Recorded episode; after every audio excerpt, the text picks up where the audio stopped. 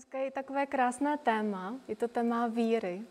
A my jsme před týdnem se vrátili s kamarádkou z dovolený z Tenerife a asi možná víte, že eh, vedle na ostrově vybuchla sopka, takže my jsme se to tak užívali, než eh, to tam začalo soptit, jsme se trošku obávali, jestli se vůbec vrátíme domů, ale, ale všechno dobře dopadlo a my jsme v pořádku přiletěli, ale proč o tom mluvím je, že jednou večer jsme se byli projít a mm, když jsme vyšli z nějaké památky, tak eh, já jsem chtěla přejít silnici a ta kamarádka moje mě zastavila, že říká, máme červenou.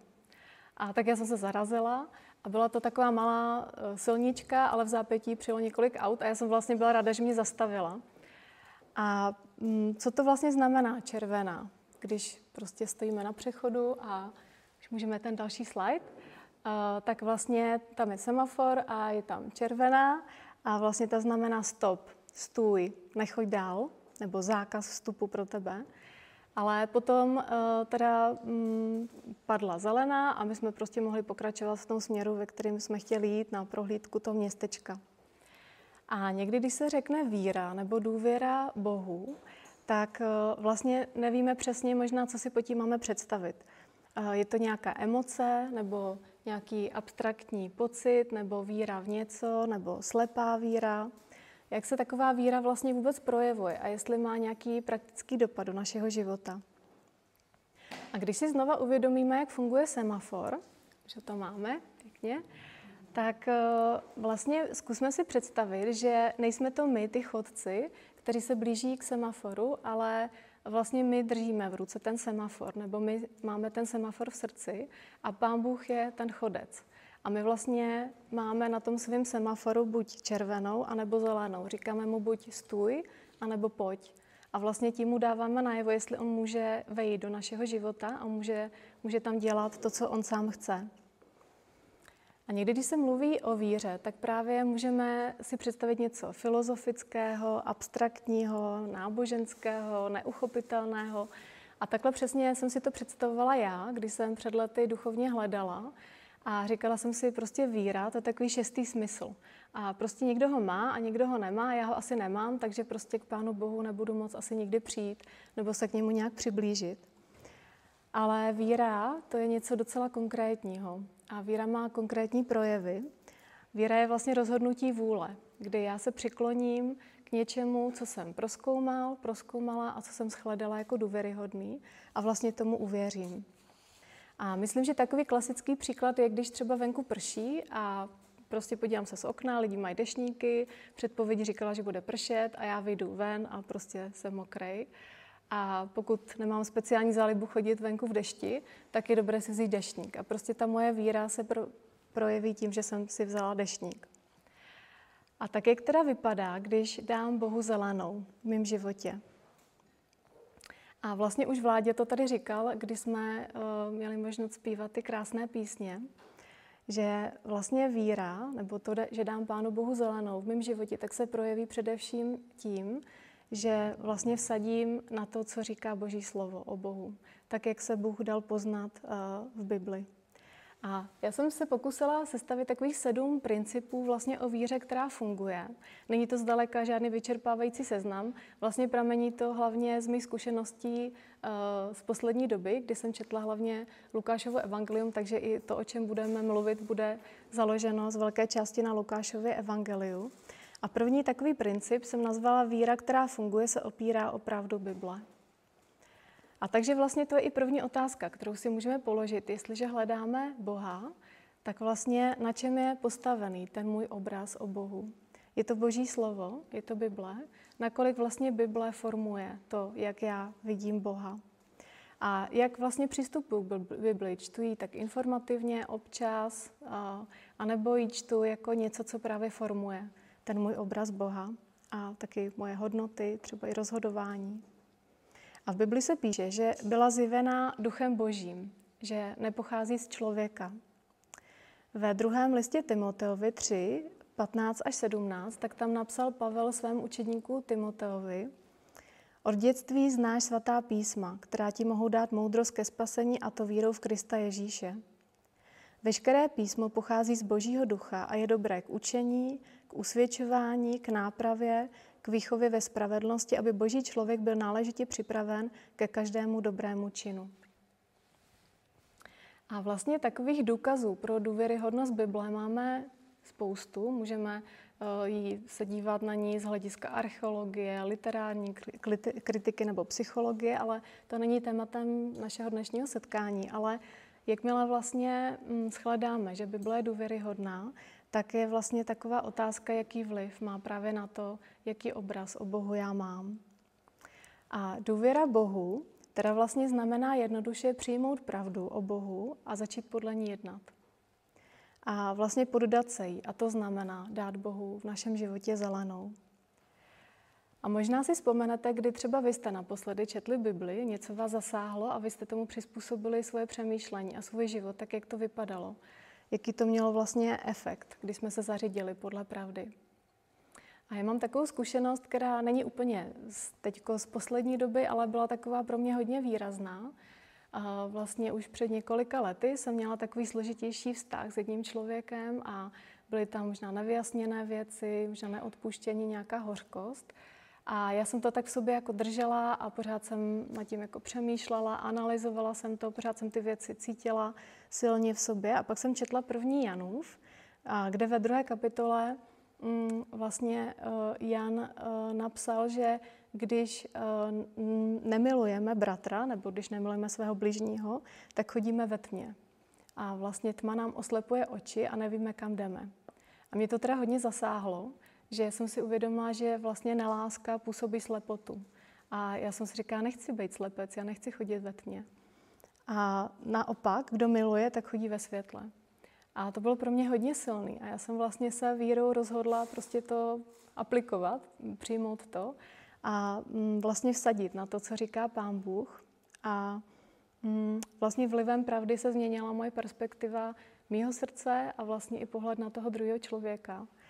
A docela se stalo vlastně tím hodně věcí, protože já jsem se vírou začala opírat o Pána Boha a vlastně o to, že On mi může dát vlastně i lásku k tomu člověku a odpuštění a ten vztah se fakt změnil. A ne, že by to všechno bylo skvělé a úplně dokonalý, ale vlastně já jsem přestala o toho člověka vymáhat, aby mě dal to, co jsem jako po něm chtěla. A mm, vlastně já jsem si to brala od Pána Boha i pro toho člověka. A taky jsem začala vnímat víc lidí kolem sebe, protože jsem přestala být zaměřena na sebe a na to, co já dostávám a na svoje potřeby. A vlastně i ten člověk to pozitivně pocítil a dneska je náš vztah úplně jiný. A takže když vsadím eh, na to, co o sobě Bůh říká v Bibli, a tak mu dávám v životě zelenou. A vypadá to zhruba takto. Moc se mi líbil tady ten obrázek, vlastně je to tatínek zřejmě a holčička, která skáče, asi je to někde na koupališti, rozlišila jsem tam nějaký plavečky. A že vlastně asi tatínek si představuje, že říká, pojď, pojď, neboj se, skoč, skoč. A vlastně ta holčička má na výběr, že vlastně jestli bude důvěřovat, že ten tatínek ji opravdu chytí a jestli se teda rozhod, rozhodne opravdu skočit prakticky, nejenom o tom třeba přemýšlet, zvažovat to, ale opravdu skočit. A tady to vypadá, že se rozhodla, že už, už padá z výšky do, do náručí toho tatínka. A my víme, co je pravda o Bohu. A Bůh chce být poznán a dává se poznat. A dokonce přichází člověku jako první a usiluje o něj. A například v listu Římanům čteme, že Kristus nás miloval ještě, když jsme byli hříšní. Pravda je teda, že Bůh je milující a má zájem o člověka, a vykoupil ho z hříchu vlastní obětí. A člověka, který přijme Kristovu oběť, tak už nic nemůže odloučit od boží lásky. A co se stane, když těmhle pravdám dám červenou? Vlastně nemůžou se projevit v mém životě. A když, to, když jim dám zelenou, tak zakusím, kdo je Bůh. Když jsme letěli právě z Tenerife, tak ten let trvá pět hodin. Říkala jsem si, že kdybych to věděla dopředu, tak nevím, jestli na tu dovču úplně jedu, že jsem nebyla připravena na takhle dlouhý let, ale za ten let jsem přečetla knížku od profesora Pavla Koláře, moc zajímavou, uh, stresem k odolnosti. Mi řekla, že jsem um, před um, mnoha lety už uh, poznala osobně pána Ježíše, tak vlastně ona řekla, že ho taky hledá ale že nechce si o tom nic přečíst, ani nic o tom jako vědět, že jí stačí, že co má v hlavě, jako co, co má takový svůj obraz prostě o Bohu. A určitě jsem to respektovala a je to pochopitelný, srozumitelný, ale vlastně já jsem si zároveň právě vzpomněla na to moje duchovní hledání a vlastně na to, jak ten můj obraz o Bohu byl tvořený hlavně emocema. A taky jako tím, co ta kultura naše vysílá o Bohu, a nebo i naše třeba rodina. Že často mm, pocházíme z rodin, kde mm, Pána Boha jsme neznali. A takže jak si můžeme být jistí, že ten náš pohled na Boha je vlastně objektivně pravdivý, že to je, že to je pravda? V Bibli se píše, že Boha můžeme poznat, že je poznatelný a neskrývá se. A že každému, kdo hledá pravdu o Bohu, tak Bůh, který sám je pravdou, se dává poznat. A v listu Židům 11.6 se píše, bez víry však není možné se Bohu zalíbit, protože ten, kdo přichází k Bohu, musí uvěřit, že Bůh je a že odplácí těm, kdo ho usilovně hledají. A tak když zkoumáme, zda Bohu můžeme věřit, tak vlastně máme na výběr právě ten filtr víry, důvěry anebo nevíry, nedůvěry. A je to vlastně podobné jako ve vztahu s člověkem. Že třeba někdo se vám delší dobu neozve, nebo třeba řekne něco, čemu jste úplně nerozuměli, a vy máte na výběr, že buď vsadíte na to, jak toho člověka znáte, a vlastně si řeknete, zatím jsou dobré motivace, jako ten člověk má svoje důvody a vím, že v jeho srdci je láska vůči mě a vlastně můj prospěch, anebo začnete pochybovat vlastně o realitě vašeho vztahu a mm, vlastně jste nepokojní a neklidní, možná vymáhající. A my se můžeme taky rozhodnout, jestli se budeme držet ty svoje emocionální obrazy Boha, a nebo obrazy, které vytváří naše kultura, nebo právě rodina, ze které pocházíme, a nebo vlastně jestli ho budeme poznávat na základě toho, co on sám o sobě zjevil, to, co on sám o sobě řekl.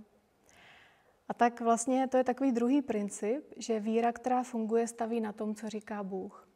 Je to možná podobný jako ten první, ale vlastně hm, naše víra na čem stojí? Je to na tom, jak Pán Bůh sám co o sobě zjevil, na tom, co On sám o sobě říká. Tak to jsou dva takové první principy. A třetí princip je, že víra je vztah. A když někomu, eh, když ve vztahu je důvěra, tak ten vztah roste. Když vlastně někomu projevíme důvěru, tak ten vztah roste. Když nevěříme, tak vztah stagnuje. Bez víry neroste vztah a to vlastně platí i o našem vztahu s Bohem, protože vlastně v životě víry jde především o vztah. A můžeme se teď podívat na dvě ženy, právě které jsou vykreslené v Lukášově evangeliu a poštol Lukáš nám je vykreslil jejich vlastně příběh a, a obě nebyly z různých důvodů společensky úplně přijatelné, ale jednali vírou právě na základě vztahu, který s Bohem měli.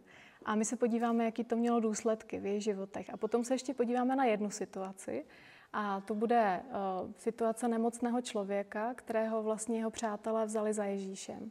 A co se, co se stalo vlastně v důsledku jejich víry. A ten text uh, o těch dvou ženách se nebudeme úplně celý číst, protože nemáme na to prostor, ale já se pokusím vám to schrnout.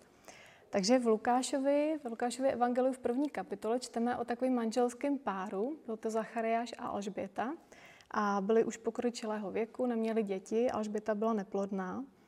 Ale když Zachariáš jednoho dne sloužil v chrámu, což bylo pro Židy taková běžná praxe, tak vlastně se mu zjevil anděl a řekl mu, že se jim narodí syn, Jan. Zachariáš tomu ale neuvěřil a na rok o něm měl. Ale Alžběta to přijala vírou a řekla, toto mi učinil pán. Sklonil se ke mně v těchto dnech, aby mě zbavil mého pohanění mezi lidmi. A ještě dříve, než se tohle stalo, tak my čteme o Alžbětě a Zachariášovi, že oni byli hodně věrní, jakože byli takový mm, poslušní Pánu Bohu a jeho ustanovením, žili spravedlivě před Bohem bezúhoně. Takže Zachariáš i Alžběta žili dlouhodobě s Bohem. A situace, kdy obdrželi boží zaslíbení, vlastně přišla do kontextu toho jejich vztahu s Bohem. A byla to zpráva o narození dítěte, které vlastně bylo zázrakem.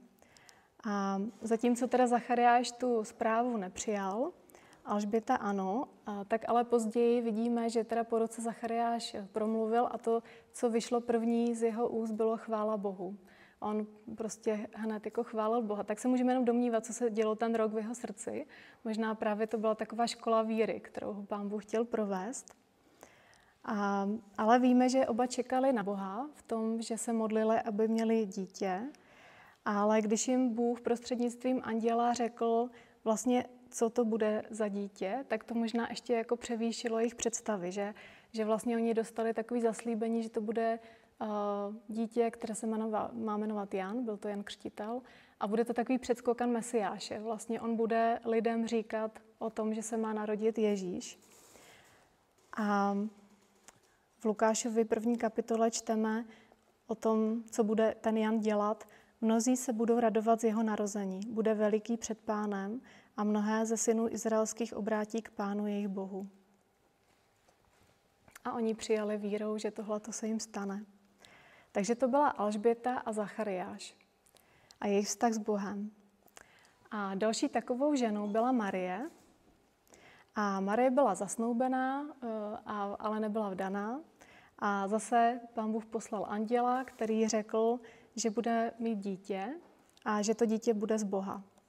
A čteme v Lukášově evangeliu, sestoupí na tebe duch svatý a moc nejvyššího ti zastíní, proto i tvé dítě bude svaté a bude nazváno syn boží. Hle, i tvá příbuzná Alžběta počala ve svém stáří syna a již je v šestém měsíci, ať se o ní říkalo, že je neplodná, neboť u Boha není nic nemožného. A jak reagovala Marie? Marie řekla, hle, jsem služebnice páně, staň se mi podle tvého slova. Ona vlastně přijala to, co jí Bůh řekl a to se taky naplnilo a narodil se Mesiáš, Ježíš. Vlastně Marie se stala božím nástrojem pro to, aby hm, pán Bůh uskutečnil to, co zamýšlel pro lidi. A Alžbita o ní později řekla, blahoslavená nebo šťastná nebo hm, její blaze, která uvěřila, že se jí splní to, co jí bylo řečeno od pána. A co si z toho můžeme vzít? Víra je vztah. Vlastně tihle žili, lidé žili ve vztahu s Bohem a, a do toho vztahu přicházely tyhle ty věci, oni na ně, na ně reagovali. A taky za čtvrté, čtvrtý princip, víra, která funguje, chce poslouchat Boha. Chce následovat vlastně, co Bůh říká. Obě ženy čekaly na Boha, jedna po něčem toužila, i když to nedostávala, věrně chodila s Bohem, a druhá nečekala, co jí Bůh chce dát, ale přijala to vírou, stejně jako ta první. A výsledek byl, že se narodil Jan, který připravoval lidi na narození Ježíše vykupitele a Ježíš, který se narodil, aby zachránil každého člověka. A ještě něco se tu učíme, že obě ty ženy byly připravené obdržet to, co měl pro ně Bůh. A Bůh řekl, že něco dostanou a oni to přijali vírou. A když jsem nad tím přemýšlela, tak jsem si uvědomila, že možná u mě je to někdy opačně, že já si něco usmyslím, že Pán Bůh má udělat a pak jakoby čekám, až Pánu Bohu to dojde, aby to udělal a podle toho potom třeba jako vyhodnocuji, jestli Pán Bůh se o mě zajímá nebo jak moc mě má rád. A někdy jsme takový přesvědčení, že víme, co je pro nás to nejlepší a jakoby čekáme, až na to přijde i Pán Bůh a dá nám to. Ale postavy, které obdivujeme z Bible, to takhle neměly. Že oni vlastně reagovali na to, co řekl Bůh, co on sám chtěl v jejich životě uskutečnit. A Bůh to pak mohl skrze jejich víru udělat. A vlastně to je víra, která funguje. A tak se zároveň projevuje vztah.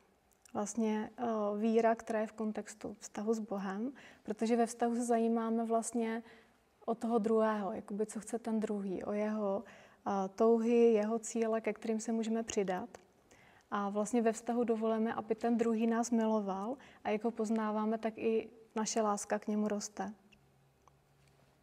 A tím se dostáváme k dalšímu principu o víře, který se zde můžeme učit. A to je teda pátý takový princip, že víra, která funguje, hledá to stejné, co hledá Bůh. Víra, která funguje, hledá to stejné, co hledá Bůh. Že vlastně jde, jí, jde nám o stejné věci, o které jde Bohu.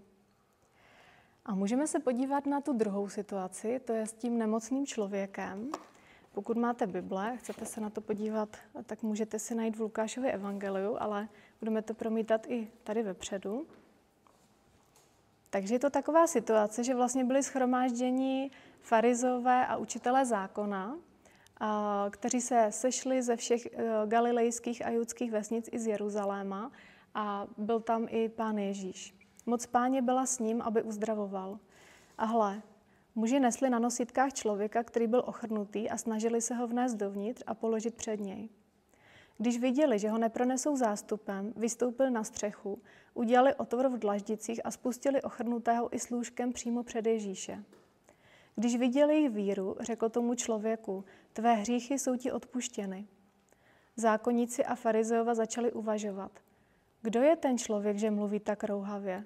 Kdo může odpustit hříchy než sám Bůh? Ježíš však poznal jejich myšlenky a odpověděl jim, jak to, že tak uvažujete? Je snadnější říci, jsou ti odpuštěny tvé hříchy, anebo vstaň a choď. Abyste však věděli, že syn člověka má moc na zemi odpouštět hříchy, řekl ochrnutému, pravím ti vstaň, vezmi své lůžko a jdi domů. A i hned před nimi vstal, vzal to, na čem ležel, šel domů a chválil Boha. Všechny zachvátil úžas a chválili Boha.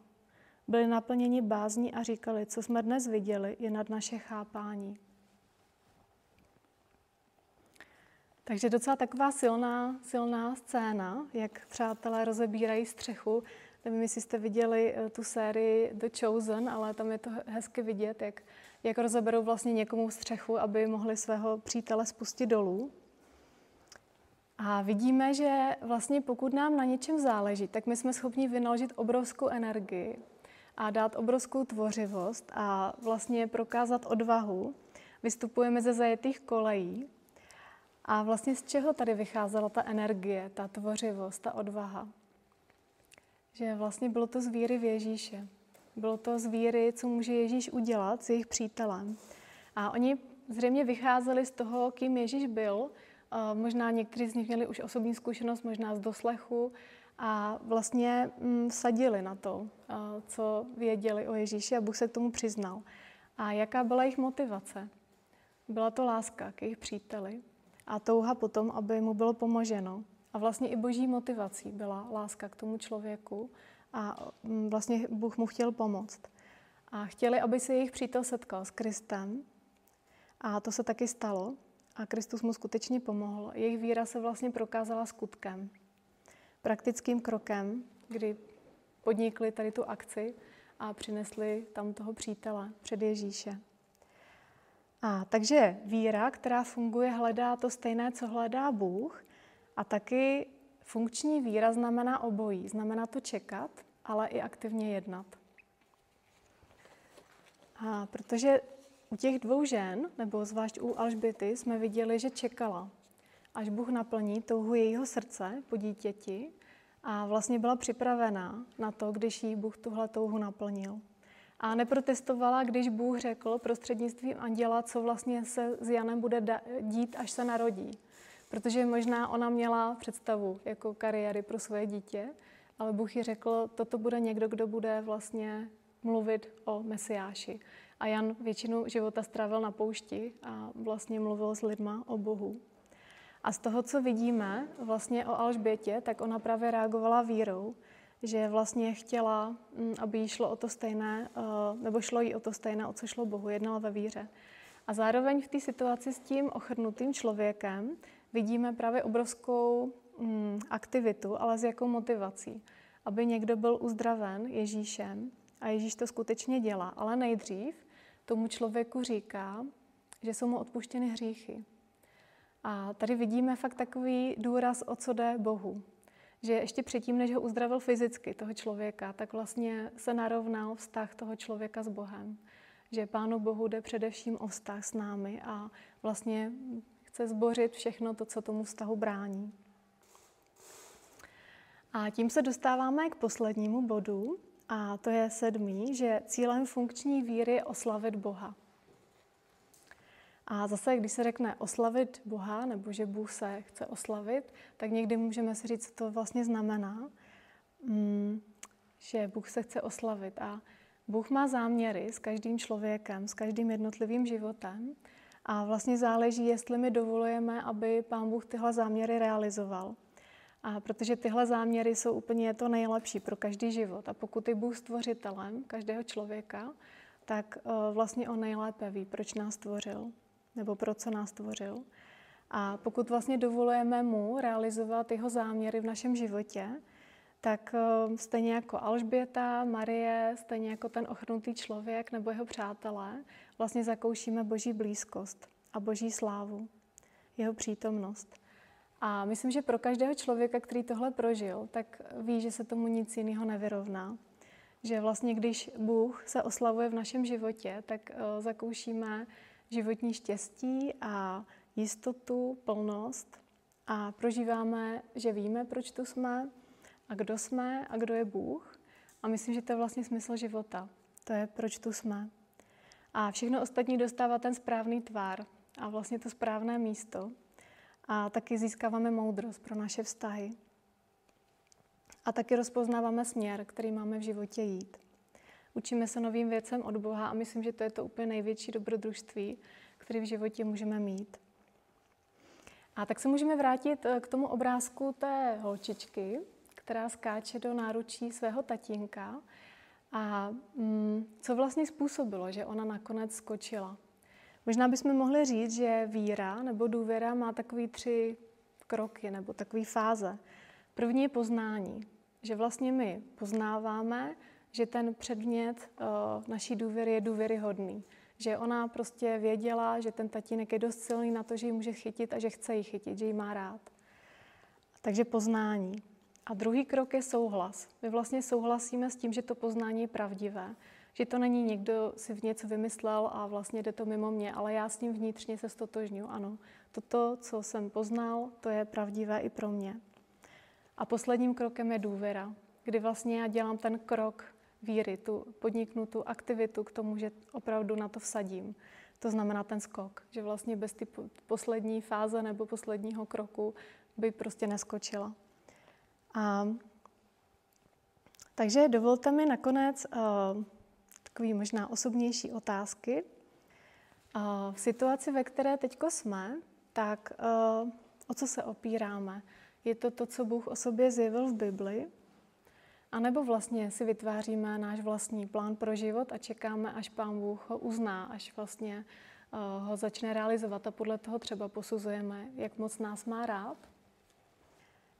A druhá otázka, jak by se změnilo moje vnímání toho, co prožívám, nebo moje prožívání, kdybych důvěřoval tomu, co Bůh o sobě říká, kým je a jaký je jeho vztah ke mně.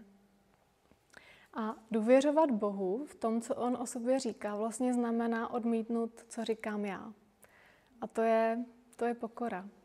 Vlastně já uznávám, že to, co on říká, tak je pravda a to, co já si myslím nebo já říkám, prostě být pravda nemusí. Moje emoce, právě třeba moje kultura. A takže vlastně nemůže třeba zároveň platit, že Bůh je milující a blízký a že se o mě nezajímá a že je vzdálený. Prostě to jsou dvě protichudné informace, které nemůžou platit zároveň. A na závěr mi dovolte ještě jednu myšlenku od kazatele Paula Tripa, který řekl, že vlastně žádná z věcí, které jsou v našem životě a které jsou stvořené, tak nejsou konečným cílem sám o sobě. Ani naše práce, ani naše vztahy, ani naše koníčky, ani naše osobní naplnění nebo štěstí, že, že každá z těchto věcí je jenom prostředek, prostředek, který Pán Bůh dal do našeho života a skrze který ho můžeme poznat a skrze který můžeme být proměnění. A takže mm, skrze tyhle věci on se může v našem životě oslavit. A náš život je dočasný, tyhle věci jsou dočasné, ale poznání Boha a vztah s ním jsou věčné. A tak možná jsme teď ve svém životě takový spokojení a třeba nic nám nechybí, což silně pochybuju, že tady někdo takový sedí, ale možná jsou věci, po kterých toužíme a nejsou v našem životě. A nebo jsou v našem životě naopak věci, které tam vlastně úplně bychom se nevybrali. A tak dovolte poslední otázku. Co by se změnilo, kdybych svoji současnou situaci začal vidět jako prostředek poznání Boha a moje osobní proměny a na jako konečný cíl sám o sobě? A možná už víme dost uh, o Bohu na to, aby jsme mu věřili, ale ještě jsme neudělali úplně ten poslední krok. Ne, ještě jsme tak neskočili uh, do té náruče. A zhruba před třemi týdny jsem mluvila s jedním mužem a on vlastně mluvil o svém hledání Boha.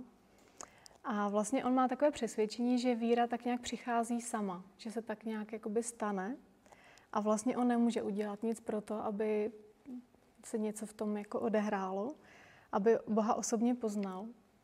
Ale vlastně my víme, že, nebo částečně to tak je, protože my víme, že eh, kdyby Pán Bůh nebyl aktivní v našem životě, tak my ani o něm nezačneme přemýšlet, kdyby se nás nepřitahoval.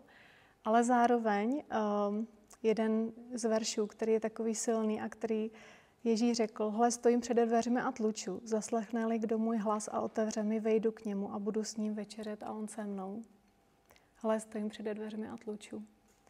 Takže my tady máme pozbuzení od Ježíše, že my nemusíme čekat, až se něco stane a až se to samo nějak odehraje, ale my mu můžeme ty dveře otevřít, že když slyšíme to klepání, tak my vlastně můžeme otevřít dveře svého srdce a on slibuje, že vejde a že bude s námi. A možná jsme ho přijali, možná jsme ho pozvali do svého srdce a možná jsme mu dali teď tím způsobem zelenou, třeba v našem životě, skočili jsme do té boží náruče, ale možná jsou oblasti, kde mu pořád dáváme červenou a kde nedovolujeme, aby mm, on vešel. A pokud to tak je, eh, tak eh, můžeme ho pozvat do srdce, do těchto oblastí, třeba právě dneska. A protože on slíbil, že vejde a že vlastně narovná mm, tyhle ty oblasti, že vlastně nám řekne, na čem skutečně záleží, bude tam s námi a bude dělat svoje věci. A Bůh se nikdy neopozdí. On se neopozdil, když byl ukřižovaný, neopozdil se, když byl vzkříšený. A celé dějiny Izraele jsou vlastně dějinami čekání na Mesiáše a vlastně postupné naplňování božích zaslíbení. A ještě před námi další část. Je před námi druhý příchod Pána Ježíše, Boží soud. A my stále vlastně žijeme ten příběh vykoupení. A to, jestli ho budeme souča- součástí, tak právě záleží, jestli dáme Bohu v našem životě zelenou. Takže možná i dneska může být právě ten den, kdy se můžeme rozhodnout skočit do Boží náruče.